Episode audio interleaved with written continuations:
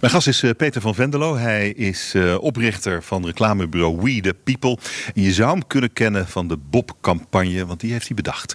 Uh, meneer van Vendeloo, wat, uh, waar bent u op dit moment mee bezig? ik ben bezig met een project in de energiesector.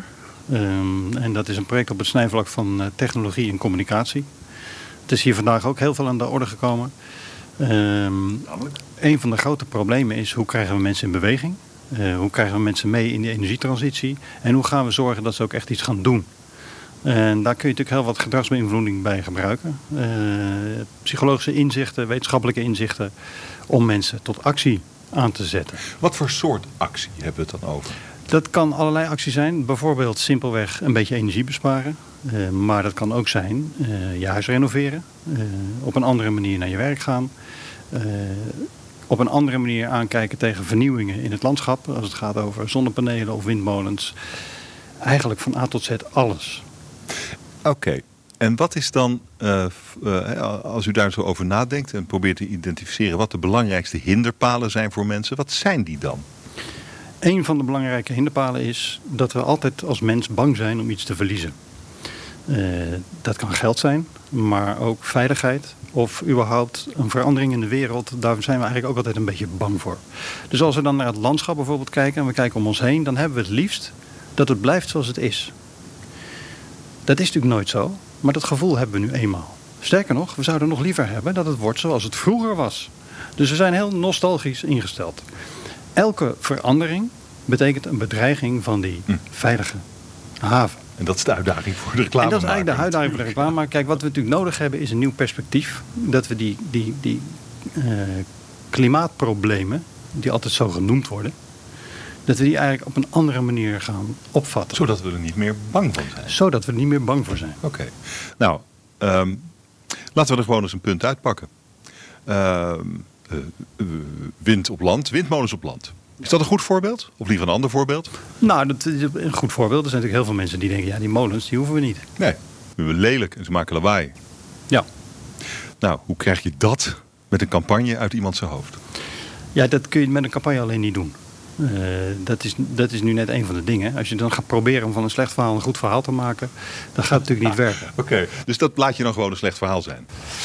Ja, ik weet niet of je het een slecht verhaal moet noemen... maar je, uh, het begint er al mee dat je natuurlijk niet moet gaan roepen... Uh, we gaan, we gaan uh, uw landschap verpesten. En, maar zo begint het natuurlijk vaak wel. We gaan, hier, we gaan hier windmolens neerzetten. Ja. ja, heb je iets aan mij gevraagd? Mag ik daar ook iets van vinden? Dat soort weerstand krijg je al. Überhaupt het feit dat mensen niet betrokken worden in de besluitvorming. Of te weinig. Bestuurders vinden altijd dat ze het heel veel doen. Maar mensen zelf vinden dat het altijd veel te weinig is. Ja, dan roep je eigenlijk al de problemen over jezelf af. Dus ja, je moet je realiseren, als je dat soort dingen gaat doen, dat je eigenlijk vanaf dag nul met mensen in gesprek moet over hoe we de boel kunnen gaan verbeteren. En dat is eigenlijk is dat uh, de, uh, wat, wat, er eigenlijk onder alles ligt als het over transitie en verandering gaat. Ja, elke verandering. Ja, dus mensen moeten zich gehoord voelen. Mensen moeten stem moet ook ja. meewegen. Juist. Oké, okay, uh, maar als dat, dan moet het ook echt zo zijn. Liefst wel, ja. Of hoeft dat niet per se? Kan je, is het gevoel genoeg? Het, ja, dat is bijna hetzelfde. Als het gevoel goed is, dan, dan, dan zit je al heel dicht bij de oplossing. Oké, ik ben heel benieuwd naar. Uh, bent u wel ver met het ontwerpen van die campagne? Uh, nou, dit is niet alleen de campagne. Dit is eigenlijk zelfs een, een, een eh, bedrijf waar ik bij betrokken ben. Uh, dus we ontwikkelen een product, een dienst en daaromheen communicatie. Oké. Hoe ver bent u ermee? Waar staat u? Uh, nou, daar zijn we. Uh, hoe zal ik het nou eens goed zeggen? We zijn een start-up, hè? dus het is altijd hoe ver ben je? Nou, we zijn al best een tijd bezig. We hebben al veel, maar we moeten nog een lange weg. Oké, okay, uh, maar oké, okay, um, dus um, het is, ik, ik zei reclamebureau, ik heb het steeds over campagne, dan corrigeert ja. me, het is veel ja. meer dan een campagne. Ja, dus we the people, wat, wat zijn dan de belangrijkste producten van het bedrijf? Nou, We The People is natuurlijk een reclamebureau. Dus het bedrijf wat ik nu noem, waar bent u mee bezig? Nou ben ik met een initiatief bezig in de energiesector. Maar ik heb ook mijn reclamebureau. Ja. Um, de belangrijkste producten zijn campagnes en adviezen over hoe kun je nu het beste mensen in beweging brengen met communicatie. En, en hoe gaat dat dan voor, voor de energietransitie eruit zien? Ik ben, ik ben benieuwd naar, ja, hoe doe je dat? Wat voor beelden gebruik je? Wat voor boodschap is het? Ja. Wat mensen heel sterk in beweging brengt, is uh, een argument uh, wat te maken heeft met het goede doen.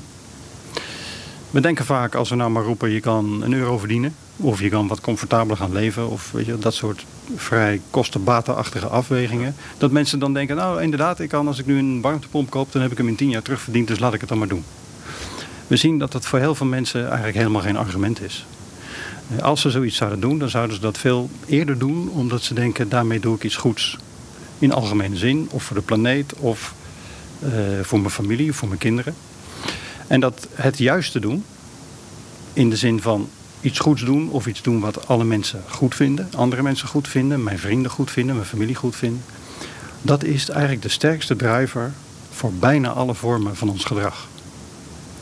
Het is een belangrijk punt. Bestuurders die zien dat vaak over het hoofd. Uh, bedrijven zien het vaak over het hoofd. Die denken, iedereen maakt rationele afwegingen. Plus, min. Nou, dat is niet zo. We, we varen heel sterk op onze emotie. We vinden het heel belangrijk wat onze omgeving vindt van dingen. We vinden het heel belangrijk wat onze omgeving van ons vindt. En als je dat goed weet te raken, dan heb je een grote kans dat je mensen tot iets kan brengen. Dus hoe zou dat er dan uitzien? ik geef altijd het voorbeeld van de Bob-campagne.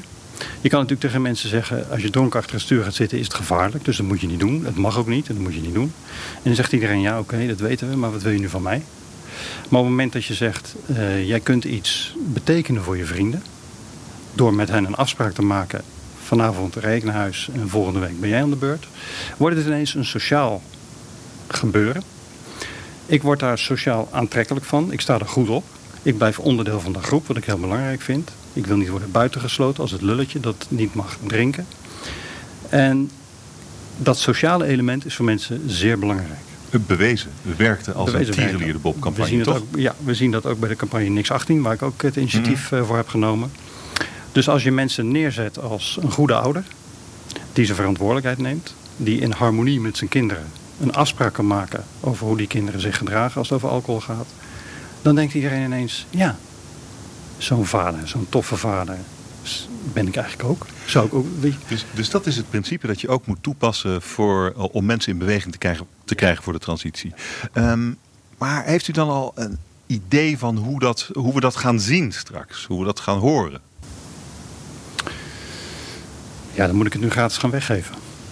Maar dat ga ik niet doen. Gratis weg? Oh, ja, bijvoorbeeld. Ja, ja, bijvoorbeeld. Nee, dat, wanneer, wanneer, komt, nou ja, kijk, nee. wanneer, wanneer komt de campagne? Kijk, je moet een goed verhaal hebben. Weet je? En dat goede verhaal moet, moet bevatten een perspectief. Over waar we met z'n allen naartoe kunnen. Weet je? Het valt mij op, als het in Nederland over, over, over de energietransitie gaat... dan krijg ik alweer de, de hangende schouders van Jesse Klaver in beeld. En, en dan is het allemaal een probleem en we moeten het oplossen. Moeilijk, moeilijk, moeilijk. is fout. Waar we op weg naar zijn, is een betere wereld. Een betere wereld voor onszelf, een betere wereld voor onze kinderen... een betere wereld voor onze kleinkinderen. En dat kunnen we op allerlei manieren in beeld brengen. En dan hebben we in Nederland vandaag ook weer gezien geweldige initiatieven die er allemaal aan gaan bijdragen, die ons werk gaan opleveren, die ons geld gaan opleveren, die ons een betere, mooiere straat, een mooier huis gaan opleveren. En daar hoor ik zelden of nooit iemand over in Den Haag.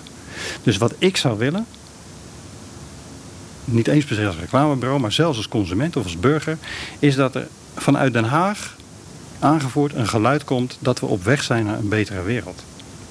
En dat we daar met z'n allen wat we ook allemaal willen, aan kunnen bijdragen. Hartelijk dank voor dit gesprek. Peter van Venderlo, de bedenker van de Bob-campagne en oprichter van reclamebureau We The People. Hartelijk dank. Graag gedaan.